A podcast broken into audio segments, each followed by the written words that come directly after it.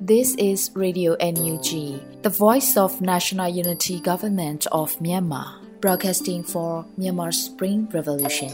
Radio NUG is transmitting from shortwave 16 meter 17.79 MHz at 8:30 a.m. and 25 meter 11.94 MHz at 8:30 p.m. Myanmar Standard Time. မင်္ဂလာပါရှင်။ မြို့သားညီညွတ်ရေးအစိုးရရဲ့အတန်လွန်ဌာန Radio NUG ကိုမနက်ပိုင်း၈နာရီခွဲမှာလိုင်းတူ16မီတာ19.89 MHz ၊ညပိုင်း၈နာရီခွဲမှာလိုင်းတူ25မီတာ17.6 MHz တို့မှာဓာတ်ရိုက်ဖမ်းယူနိုင်စေနိုင်ပါရှင်။မင်္ဂလာအပေါင်းနဲ့ပြည့်စုံကြပါစေ။အခုချိန်ကစပြီး Radio NUG အစီအစဉ်လေးကိုဓာတ်ရိုက်အတန်လွှင့်ပေးနေပါပြီရှင်။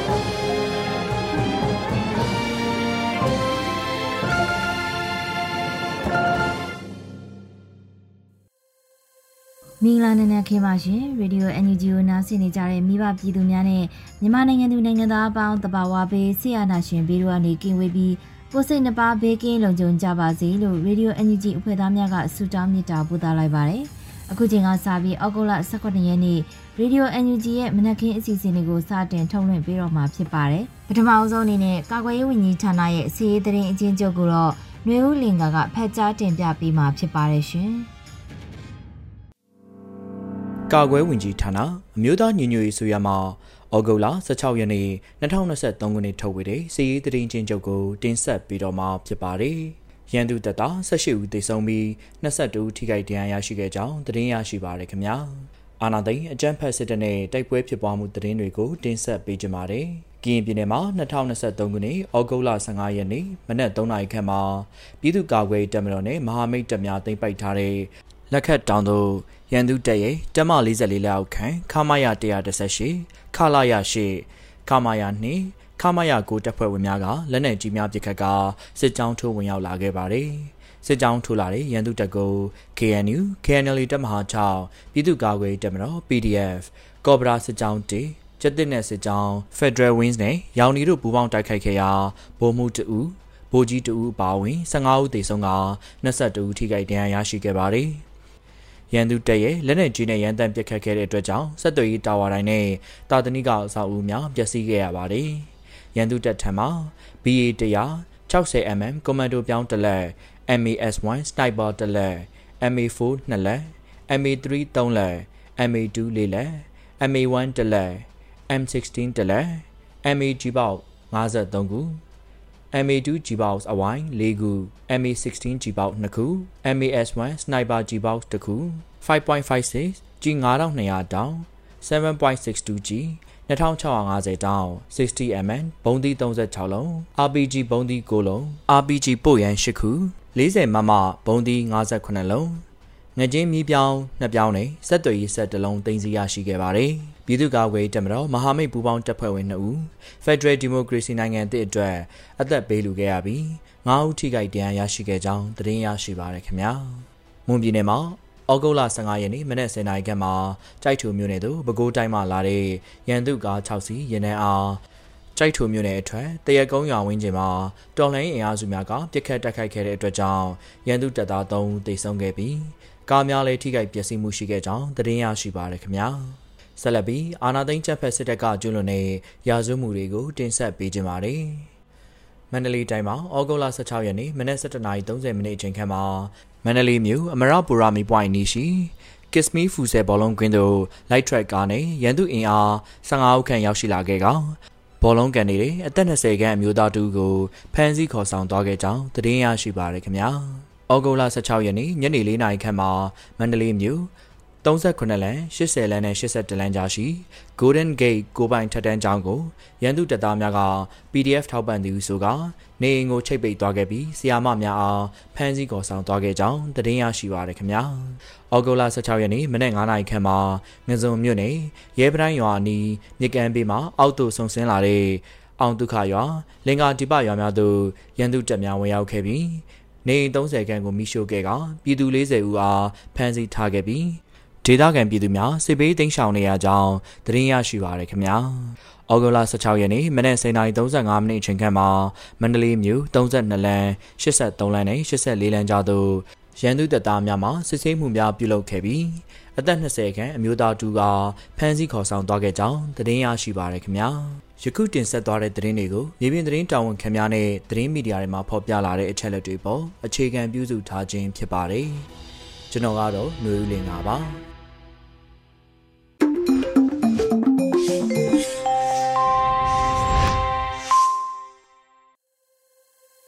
ဆက်လက်ပြီးရေဒီယို NUG ရဲ့နောက်ဆုံးရပြည်တွင်းသတင်းများကိုတော့ຫນွေဦးမိုးမှဖတ်ကြားတင်ပြပေးတော့မှာဖြစ်ပါတယ်ရှင်။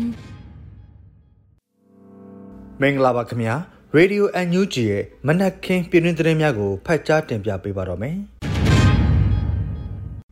အကြံဖတ်စစ်အုပ်စုဟာ NUG အစိုးရနဲ့ ပြည်သူကြားအထင်လွဲမှုဖြစ်အောင်အကွက်စင်လှုပ်ဆောင်လာနေတာတွေရှိတယ်လို့ဆိုဆိုတဲ့သတင်းကိုတင်ပြတော့ပါမယ်။အမျိုးသားညီညွတ်ရေးအစိုးရ၏အစိုးရအဖွဲ့အစည်းအဝေးတွင်ယာယီသမ္မတဒူဝါလက်ရှိလာကအကြမ်းဖက်စစ်အုပ်စုဟာအန်ယူဂျီအစိုးရနဲ့ပြည်သူကြားအထင်လွဲမှုဖြစ်အောင်အကွက်စင်လှုပ်ဆောင်လာနေတာတွေရှိတယ်လို့ပြောပါတယ်။အန်ယူဂျီအစိုးရနဲ့ပြည်သူကြားအထင်လွဲမှုဖြစ်အောင်အကွက်စင်လှုပ်ဆောင်လာနေတာတွေရှိပါတယ်။နောက်ပြီးမှအန်ယူဂျီအစိုးရအတွင်း ဝန်ကြီးများအကြားအချင်းချင်းနားလည်မှုမရှိအောင်လှုပ်လာတာတွေ့ရမှာဖြစ်ပါတယ်။ဒါကြောင့်မိမိတို့ရီမန်းချက်ပန်းနံဖြစ်တဲ့စစ်အာဏာရှင်နဲ့အာဏာရှင်ဟူသည်များကိုအဆုံးသတ်ဖျက်သိမ်းရေးအနာဂတ်ဖက်ဒရယ်ဒီမိုကရေစီနိုင်ငံထူထောင်ရေးတို့ကိုမျက်ခြေမပြတ်ဒီဇိုင်းမမတ်လှုပ်ဆောင်ဖို့လိုပါတယ်လို့ယာယီသမ္မတကဆိုပါတယ်။ဒါအပြင်နိုင်ငံတကာအတိုင်းဝိုင်းအနေနဲ့မြန်မာပြည်အရေးကိုရှုမြင်တဲ့နေရာမှာပြည်ရင်းကပြည်သူလူထုရဲ့အရှိပကတိ ဒုက္ခဆင်းရဲတွေကိုမှန်ကန်စွာသိရှိနားလည်ရေးကိုအန်ယူဂျီအစိုးရဘက်ကလှုပ်ဆောင်ရလိမ့်မယ်လို့ယာယီသမ္မတကဆိုပါတယ်ခင်ဗျာဆက်လက်ပြီးဂျာကာလာဒေသနာပြည်သူ့အုပ်ချုပ်ရေးဖော်ဆောင်မှုဘိုးကော်မတီနဲ့မန္တလေးတိုင်းမကွေးတိုင်းမြို့နယ်ပြည်သူ့အုပ်ချုပ်ရေးအဖွဲ့များတွဲဆုံဆွေးနွေးပွဲကျင်းပဆိုတဲ့သတင်းကိုတင်ပြသွားပါမယ်အမျိုးသားညီညွတ်ရေးအစိုးရဂျာကာလာဒေသနာပြည်သူ့အုပ်ချုပ်ရေးဖော်ဆောင်မှုဘိုးကော်မတီနဲ့မန္တလေးတိုင်းမကွေးတိုင်းမှာ မြို့နယ်ပြည်သူ့အုပ်ချုပ်ရေးအဖွဲ့များတွဲဆုံဆွေးနွေးပွဲအစည်းအဝေး20ခုမြင်းဆောင်2023ကိုအောက်တိုဘာ16ရက်မှာကျင်းပခဲ့ပါတယ်။အစည်းအဝေး၌ဂျာကာလာဒေသန္တရပြည်သူ့အုပ်ချုပ်ရေးဖော်ဆောင်မှုဗဟိုကော်မတီအဖွဲ့ဝင် အလို့သမားဝန်ကြီးဌာနပြည်ထောင်စုဝန်ကြီးနိုင်ထွန်းဖေခနိုင်သူဝနမှအဖွဲ့အမှားစကားပြောကြားခဲ့ပါတယ်။ထို့နောက်ဝန်ကြီးဌာနများမှဌာနနှင့်သက်ဆိုင်သည့်လုပ်ငန်းများအားမှာကြားဆောင်ရွက်ခဲ့ပြီးမြို့နယ်ပြည်သူ့အုပ်ချုပ်ရေးအဖွဲ့ဝင်များမှမူဝါဒလမ်းညွှန်ချက်များ လုပ်ငန်းဆောင်ရွက်ချက်များမြေပြင်အခက်အခဲများနဲ့ပတ်သက်၍သိရှိလိုသူများကိုမေးမြန်းခဲ့ကာဝန်ကြီးဌာနမှတာဝန်ရှိသူများမှပြန်လည်ဖြေကြားခဲ့ပြီးနောက်ဂျာကာလာဒေသနရပြည်သူ့အုပ်ချုပ်ရေးဖော်ဆောင်မှုဘိုးကော်မတီအဖွဲ့ဝင်တယံဇာတနဲ့တဘာဝပတ်ဝန်းကျင်ထိန်းသိမ်းရေးဝန်ကြီးဌာနပြည်ထောင်စုဝန်ကြီးဒေါက်တာတူးခေါင်မှနေကုန်းချုပ်စကားပြောကြားခဲ့ပါတယ်။တွဲဆုံပွဲသို့ပြည်ထောင်စုဝန်ကြီးများဒုတိယဝန်ကြီးများအမြဲတမ်းအတွင်းဝန်များတွဲဖက်အတွင်းဝန်များ ဌာနဆိုင်ရာများမှတာဝန်ရှိသူများနဲ့မန္တလေးတိုင်းမကွေးတိုင်းမှမြို့နယ်ပြည်သူ့အုပ်ချုပ်ရေးအဖွဲ့ဝင်များတက်ရောက်ခဲ့ကြပါတယ်ခင်ဗျာကရင်ပြည်နယ်အတွင်းရှိရေဘေးတင့်ပြည်သူများကိုအန်ယူဂျီကစံရိတ်ခါများထောက်ပံ့လျက်ရှိဆိုတဲ့သတင်းကိုတင်ပြတော့ပါမယ်။ကရင်ပြည်နယ်အတွင်းရှိရေဘေးတင့်ပြည်သူများကိုအန်ယူဂျီကစံရိတ်ခါများထောက်ပံ့လျက်ရှိတယ်လို့အမျိုးသားညီညွတ်ရေးအစိုးရလူသားချင်းစာနာထောက်ထားရေးနဲ့ဘေးအန္တရာယ်ဆိုင်ရာစီမံခန့်ခွဲရေးဝန်ကြီးဌာနက အောက်တိုဘာ16ရက်မှာအသိပေးဖော်ပြပါတယ်။အောက်တိုဘာပထမအပတ်အတွင်းမြန်မာနိုင်ငံတောင်ပိုင်းရှိမြို့ကြီးတချို့တွင်မိုးတဲထန်စွာရွာသွန်းမှုကြောင့်တောင်ကျရေများဆစ်ဆင်း၍မြစ်ရေချောင်းရေများရှမ်းတက်ခြင်းရေကြီးခြင်းနှင့်မြေပြိုခြင်းများဖြစ်ပေါ်ခဲ့သည့်ကရင်ပြည်နယ်အတွင်းရှိကြာအင်းစိတ်ကြီးမြဝတီလိုင်းပွဲ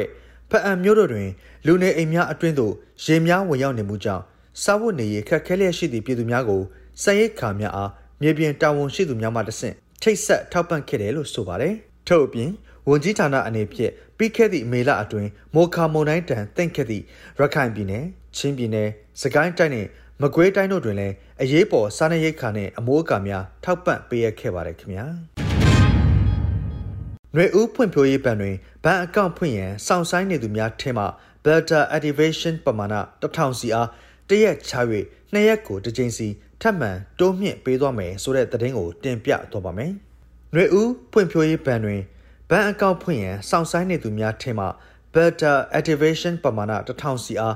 တရက်ချ၍နှစ်ရက်ကိုတစ်ကြိမ်စီထပ်မံတိုးမြင့်ပေးသွားမယ်လို့ဩဂုတ်လ16ရက်မှာနှွေဦးဖွံ့ဖြိုးရေးဘဏ်ကအသိပေးဆိုပါတယ်။နှွေဦးဘဏ်ကနအူ private better စမ်းသပ်ကာလဆောင်ရွက်နေသည်မှာအချိန်အဖြစ်၃ပတ်မြောက်ရှိလာခဲ့ပါပြီ။ စံသက်အသုံးပြုသူအရေအတွက်တစ်ထောင်သတ်မှတ်ထားပြီးနောက်ထိုက်တဲ့သောပမာဏအချို့အားအမတ်စင်အလိုက်တိုးဖွင့်ပေးခဲ့ပါတယ်။ယခုတစ်ခါမှာတော့အော်ဂိုလာ18ရက်နေ့မှာစပြီး waiting list တွင်စောင့်ဆိုင်းနေသူများအနက်မှ beta activation ပမာဏ1000စီအားတရက်ချ၍နှစ်ရက်လျင်တစ်ကြိမ်စီထပ်မံတိုးမြင့်ပေးသွားမည့်အစီအစဉ်ရှိပါကြောင်းသတင်းကောင်းပါအပ်တယ်လို့ဆိုပါတယ်။ဘန်စနစ်လဲပတ်နိုင်မှုအခြေအနေအရရက်ပေါ်မူတည်၍ဘတ်တာတိုးမြင့်မှုအချိန်ကာလအားပြန်လည်စစ်စစ် ကန့်သက်နိုင်တယ်လို့လည်းဆိုပါတယ်ခင်ဗျာ။အကြံပတ်စစ်ကောင်စီတပ်ကမြောက်ရမတရားပေါ်မှာပြည်သူ၄ဦးကိုလဲလီတပ်ဖြတ်၍ချောင်းနဲ့မျောချဆိုတဲ့သတင်းကိုတင်ပြတော့ပါမယ်။အကြံပတ်စစ်ကောင်စီတပ်ကမြောက်ရမတရားပေါ်မှာပြည်သူ၄ဦးကိုလဲလီတပ်ဖြတ်၍ချောင်းနဲ့မျောချခဲ့တယ်လို့အော်ဂုတ်လ16ရက်မှာရင်းမာပင်မြို့နယ်တရင်မှန်ပြန်ကြားရေးကအတီးပြုတ်ဖော်ပြပါတယ်။ရင်းမာပင်မြို့နယ်မြောင်ရမ6နယ်တွင် အော်ဂုတ်လ16ရက်နနက်ခင်းပိုင်းတွင်အလောင်း3လောင်းတွေ့ရှိခဲ့ရကညနေပိုင်းတွင်တလောင်းထပ်တွေ့တယ်လို့သတင်းအရင်းမြစ်များအရသိရပြီးတေဆုံးသူများမှာလေငေါက်ကျေးရွာမှပြည်သူများဖြစ်တယ်လို့ဖော်ပြပါတယ်။တပ်ဖြတ်ခံရသောလေငေါက်ကျေးရွာသားများဟာအော်ဂုတ်လ10ရက်တွင်စစ်အကြမ်းဖက်အုပ်စုများပလဲမြို့နယ်အတွင်းမှရင်းမာပင်မြို့နယ်သို့ဝင်ရောက်လာခြင်းလေငေါက်ကျေးရွာအတွင်း နွားစာကျွေးပြိုင်ချိန်တိုင်းအချမ်းပတ်စစ်ကြောင်းတွေတွေ့ကအဖမ်းဆီးခံခဲ့ရသောတောင်သူများဖြစ်တယ်လို့သိရပါတယ်။တေဆုံးမှုဖြစ်စဉ်မှာအောက်ကုလ14ရက်နေ့တွင်ဝမ်ပေါင်အတွင်းရောက်ရှိနေသောစစ်ကြောင်းတွင်ဖမ်းဆီးခေါ်ဆောင်ခြင်းခံရသောလေငေါက်ကျွေးရမှပြည်သူများကိုစစ်ကြောင်းနှင့်အတူခေါ်ဆောင်ကမြောက်ရမားတရားပေါ်သို့အရောက်တွင်လယ်လီတပ်ဖြတ်ကချောင်းထဲသို့ပြစ်ချထားခဲ့ခြင်းဖြစ်တယ်လို့ဆိုပါတယ်ခင်ဗျာ။ကလေးမြို့နယ်အောင်ရွာကြီးရွာတင်ញိုင်ကုန်းအနီး ပြည်သူများတွာလာတဲ့လမ်းဘေးတွင်ထောင်ထားသောမိုင်းသုံးလုံးကို CNO, UCR နဲ့ CNTF မိုင်းဆရာများကစနစ်တကျဖြုတ်သိမ်းနိုင်ခဲ့ဆိုတဲ့သတင်းကိုတင်ပြသွားပါမယ်။ကလေးမြို့နယ်အောင်ရွာကျေးရွာတင်ញိုင်ကုန်းအနီးပြည်သူများတွာလာတဲ့လမ်းဘေးတွင်ထောင်ထားသောမိုင်းသုံးလုံးကို CNO, UCR နဲ့ CNTF မိုင်းဆရာများကစနစ်တကျဖြုတ်သိမ်းနိုင်ခဲ့တယ်လို့ဒေသခံသတင်းအရင်းမြစ်များထံကသိရပါတယ်။ကလေးမြို့နယ်အောင်ရွာကျေးရွာတင်ញံကုန်းအနီးတွင် ပြည်သူများတွာလာတဲ့လမ်းဘေးတွင် မိုင်းထောင်ထားတာကိုရွာသားတွေကတွေ့ရှိလို့ CNOUCR နဲ့ CNTF မိုင်းဆရာများကအောက်ကုတ်လ14ရက်မနက်7:00နာရီတွင်တွားရောက်ကမိုင်းသုံးလုံးတပေလောက်အမြင့်ကိုအထိအခိုက်မရှိ ဖြုတ်နိုင်ခဲ့တယ်လို့သတင်းရရှိပါတယ်။အောက်ကုတ်လ23ရက်တွင်ညောင်တော်ကျေးရွာအနီးတာဟန်လက်ပံချောင်းလမ်းမဘဲတွင် ထောင်ထားတဲ့မိုင်းတလုံးကိုလည်းဖြုတ်နိုင်ခဲ့ပါသေးတယ်။အော်ဂိုလာ၈ရက်ကလည်းညောင်တော်တင်းញိုင်းကုန်းနားမှာနွားတကောင်ကမိုင်းနင်းမိလို့ နွားနဲ့လူတအူသိဆုံးပြီးနှစ်ဦးဒဏ်ရာရှိခဲ့ပါတယ်ခင်ဗျာ။အကြံဖက်စစ်ကောင်စီတပ်လက်နက်ရိတ်ခါတင်လာသည့်တင်မောကိုစီရှင်တန်းအားမြို့လှ K PDF တက်ရင်မှတရားခုမမ short တိုက်တုံးမြဖြင့်စောင့်ကြိုတိုက်ခိုက်ဆိုတဲ့သတင်းကိုတင်ပြသွားပါမယ်။အော်ဂိုလာ16ရက်နနက်9နာရီချိန်ရွှေကူမြို့တင်မောစိတ်မှာဗမော်တို့အကြံဖက်စစ်ကောင်စီတပ်လက်နက်ရိတ်ခါတင်လာသည့်တင်မောကိုစီရင်တန်းအားမြို့လှ K PDF တက်ရင်တက်ခွဲနှင့်ဗိုလ်တခွန်အဖွဲ့မှ တရားခွန် MM short တိုက်တုံးမြဖြင့်ပြစ်ခတ်တိုက်ခတ်ခဲ့တာလို့အတည်ပြုဆိုပါတယ်။အော်ဂိုလာ16ရက်နနက်9နာရီချိန်ရွှေကူတင်းမောစိတ်မှဗမော်တို့စံတက်စဉ်မြို့လှ K PDF တက်ရင်တက်ခွဲနှင့်ဗိုလ်တကွန်အဖွဲ့မှတရားခွန် MM short တိုက်တုံးများဖြင့်ပြစ်ခတ်တိုက်ခတ်ခဲ့ရာရိတ်ခါတင်မောတစည်းကိုတော့ခါမာထိမှန်ခဲ့ပြီးနောက်တစည်းကတော့ short တုံးနှလုံးထိမှန်သွားပါတယ်လို့ဆိုပါတယ်ဒုတိယမြစ်ကျင်းထဲမှာပြစ်ခတ်၍ထိခိုက်သွားသည့်တင်မောနှစ်စီးကိုနောက်မိုအထက်ဘက်တွင် အတော်ကြာရပ်နားခဲ့ကြပြီးနှစ်စီးစီတွဲပြီးပြန်ဆန်တက်သွားရာစင်းခန်းသို့ကန့်ကတ်သွားတယ်လို့ဆိုပါတယ်ထို့အပြင်မြို့လှ KPDF တက်ရင်တက်ခွက်တစ်ဗိုလ်မိုးကျိုးဤမိုးကျိုးဝဟင်အဖွဲ့မှလည်းမနက်7:00နာရီအချိန်မှာရွှေကူမြို့ရဲစခန်းထဲသို့ဘုံသီးလေးလုံးဖြင့်နှစ်ကြိမ်တက်ခတ်ခဲ့ရာရွှေကူမြို့ရဲစခန်းမှအမှတ်၄နယ်ထိန်2ဦးဘိုက်ပွင့်သွားပြီးနယ်ထိန်2ဦးနဲ့အတူတပ်သား6ဦးစုစုပေါင်း10ဦးအပြင်းထန်ထိခိုက်သွားပြီးနယ်ထိန်မှာတိတ်ဆုံးခဲ့ပါတယ်ခင်ဗျာ။ ဟုတ်ကဲ့ပါအခုတင်ပြခဲ့တဲ့သတင်းတွေကိုတော့ Radio NUG သတင်းထောက်မင်းတီဟန်ကပေးပို့ထားတာဖြစ်ပါတယ်ကျွန်တော်ຫນွေဦးမိုးပါခင်ဗျာ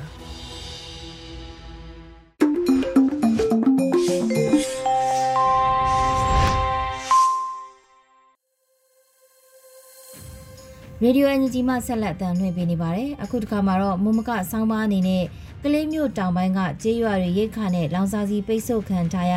ရခိုင်ပြည်နယ်အမျိုးသမီးကွန်ရက်ဥက္ကဋ္ဌဖန်စီခံရလို့အမည်ရတဲ့မြန်မာနွေခရိုနီကယ်ဩဂုတ်လ15မြင်ကွင်းမုံမခဆောင်းပါးကိုနွေဦးမောင်မှဖတ်ကြားတင်ပြပေးတော့မှာဖြစ်ပါတယ်ရှင်။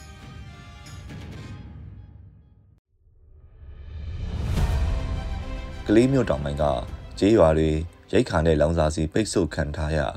ရခိုင်ပြည်နယ်အမျိုးသမီးကွန်ရက်ဥက္ကဋ္ဌဖမ်းဆီးခံရတဲ့တင်ပဲဖြစ်ပါတယ်။ စကိုင်းတိုင်းကလေးမြို့ကနေတောင်ဘက်ကျတဲ့ကံကောမြို့ဘက်ကိုဆက်သွယ်ထားတဲ့ကားလမ်းပေါ်ကကျေးရွာအချို့မှာရိတ်ခါနဲ့လောင်စာစီတွေကလေးမြို့ကိုတက်ပြီးဝယ်ယူဖို့မလွယ်ကူတော့တာကြောင့်ဈေးနှုန်းတွေတန်တဆမြင့်တက်လာပြီးအဲ့ဒီကျေးရွာတွေက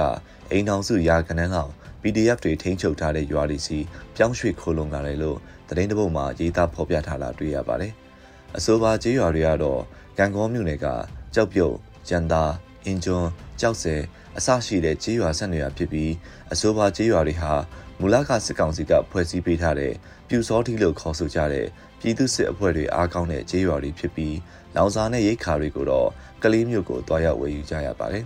။ကလေးမျိုးနဲ့ဆက်သွယ်ထားတဲ့လမ်းပိုင်းချို့ကို PDF တွေကထိန်းချုပ်ထားတာဖြစ်လို့ကာလကြာရှည်လာတဲ့အခါ73စီနဲ့လိုအပ်တဲ့ရိတ်ခါပစ္စည်းတွေမတန်တဆဈေးကြီးမြင့်လာနေတယ်လို့သတင်းမှာဖော်ပြထားပါတယ်။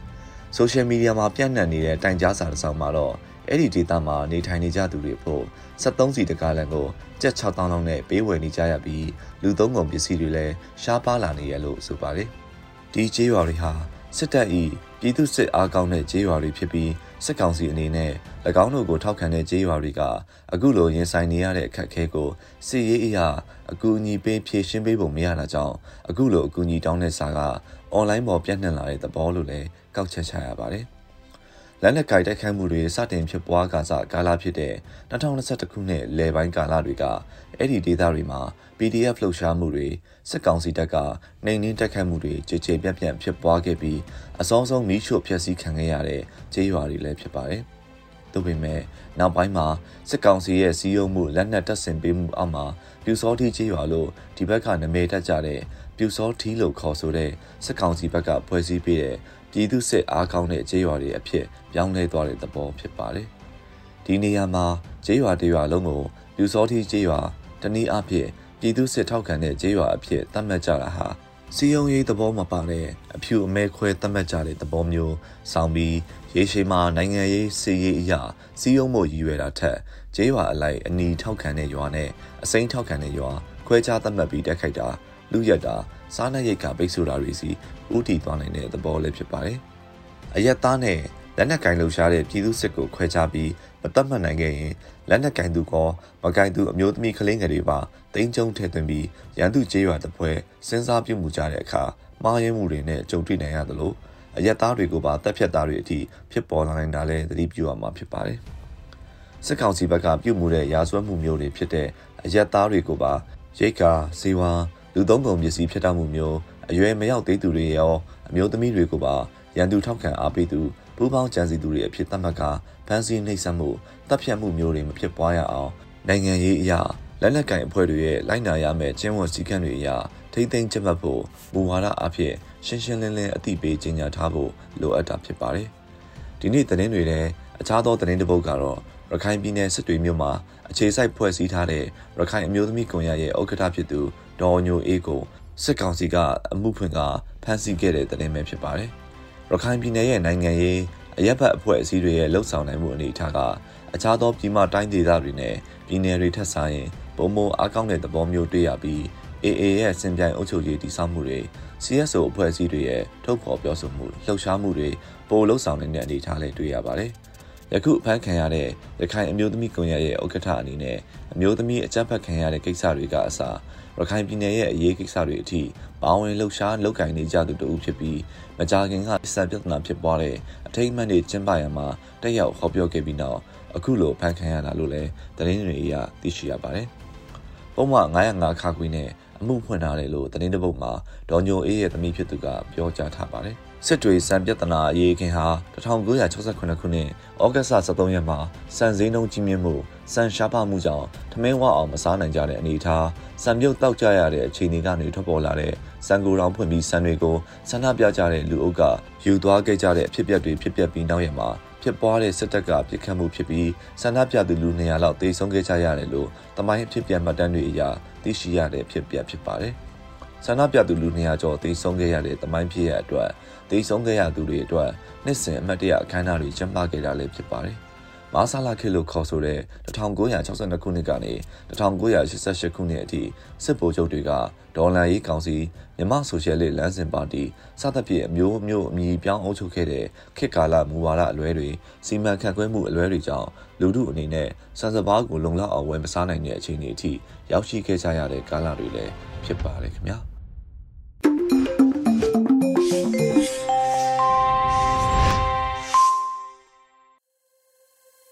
ခုဆက်လက်ပြီးတော်လန်ရေးတေဂီတာအနေနဲ့ကိုပေါက်ရေးသားထားပြီးမင်းမော်ကွန်တီဆိုထားတဲ့လန့်ခဲ့တော့တငယ်ချင်းလို့အမည်ရတဲ့တတိချင်းကိုလည်းနားဆင်ရမှာဖြစ်ပါတယ်ရှင်။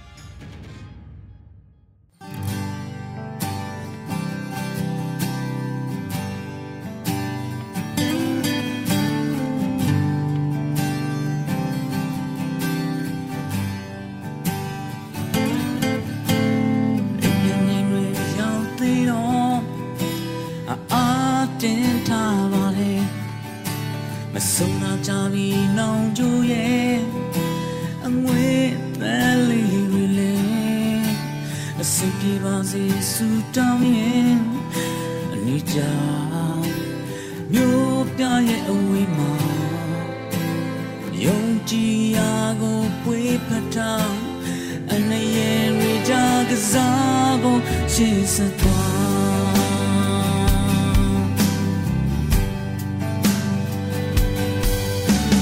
နေဝင်မီဆိုနဲ့ချစ်တချို့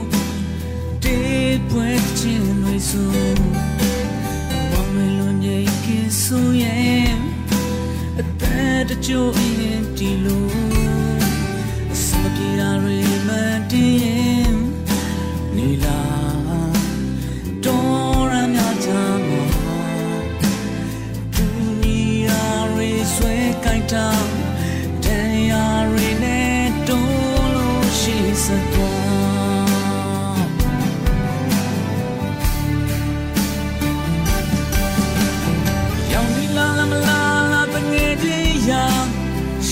ဆက်ဖို့ကြိုးစား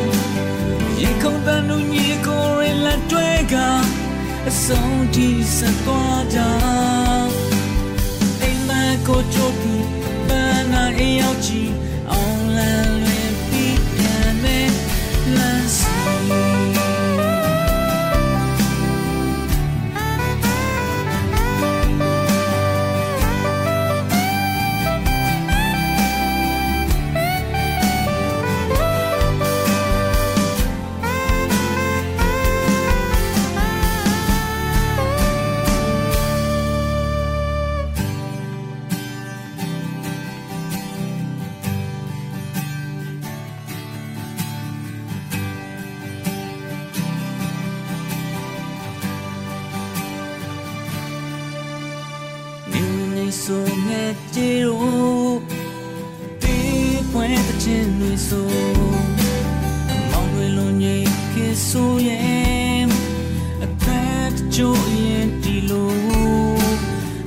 အစ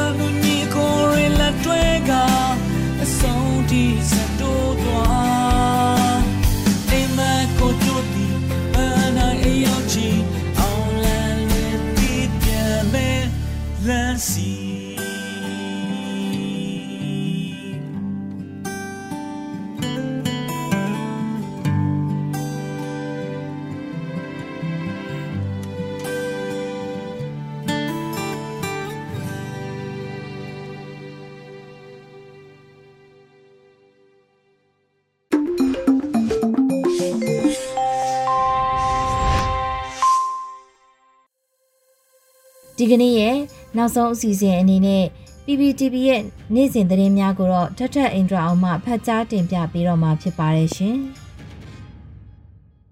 အခုချိန်ကစပြီး PPTV သတင်းတွေကိုတင်ဆက်ပေးတော့မှာပါ။ကျွန်မထထအင်ဒရာအောင်ပါ။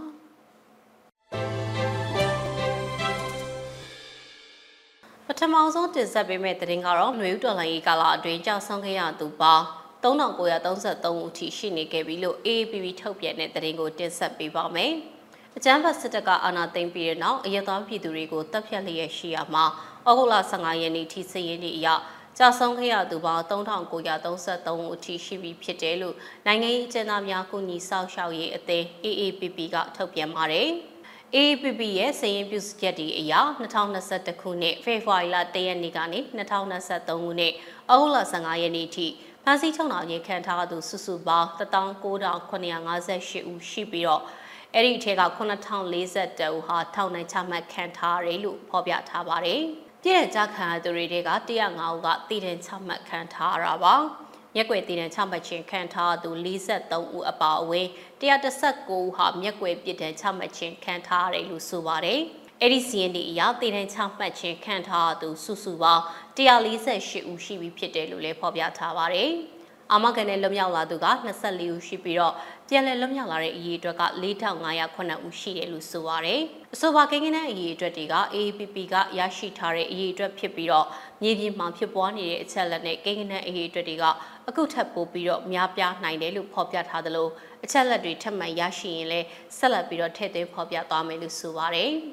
အရဘတ်ဖွဲ့စည်းရဲ့ခေါင်းဆောင်တွေအရက်သားတွေတက်ကြွလှုပ်ရှားသူတွေတည်င်းသမားတွေစီဒီယန်လှုပ်ရှားနေတဲ့ဝန်ထမ်းတွေစတဲ့နေပယ်အသီးသီးကဘယ်သူမဆိုဖန်စီထိမ့်သိမ်းတရားဆွဲဆိုခြင်းခံထားတာတွေနဲ့ရေဦးတော်လန်ဤကာလာအတွေ့ကြောက်ဆုံးသွားသူတွေရဲ့အချက်အလက်တွေကိုသိရှိရင် AAPP ကိုဆက်သွယ်ဖို့လဲ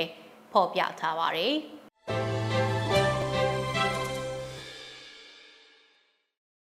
ကိုင်းမှုရွာလမ်းမပေါ်ဖြတ်တန်းသွားလာနေတဲ့အကျန်းဘတ်စီရင်တန်းကို PDF တွေကနှစ်ရက်တာမိုင်းဆွဲတိုက်ခိုက်လိုက်တဲ့တဲ့တင်ကိုတင်ဆက်ပေးပါမယ်။စကိုင်းတိုင်းစကိုင်းမုံရွာလမ်းမပေါ်ဖြတ်တန်းသွားလာနေတဲ့အကြမ်းဖက်စစ်ကားတွေကို Moon Revolution Force နဲ့ Pentagram ညီနောင်ပူးပေါင်းတပ်ဖွဲ့ကနှစ်ရက်တာစောင့်ကြိုမိုင်းဆွဲတိုက်ခိုက်ခဲ့ပါတယ်။ပြည်သူ့ကာကွယ်ရေးပူးပေါင်းတပ်ဖွဲ့ကဩဂုတ်လ14ရက်နဲ့15ရက်တွေမှာနှစ်ကြိမ်ခန့်မိုင်းဆွဲတိုက်ခိုက်ခဲ့ရာ ကားပေါ်မှာစီးနှင်းလိုက်ပါလာတဲ့အကြမ်းဖက်တပ်သားထိမှန်ဒဏ်ရာရရှိတယ်လို့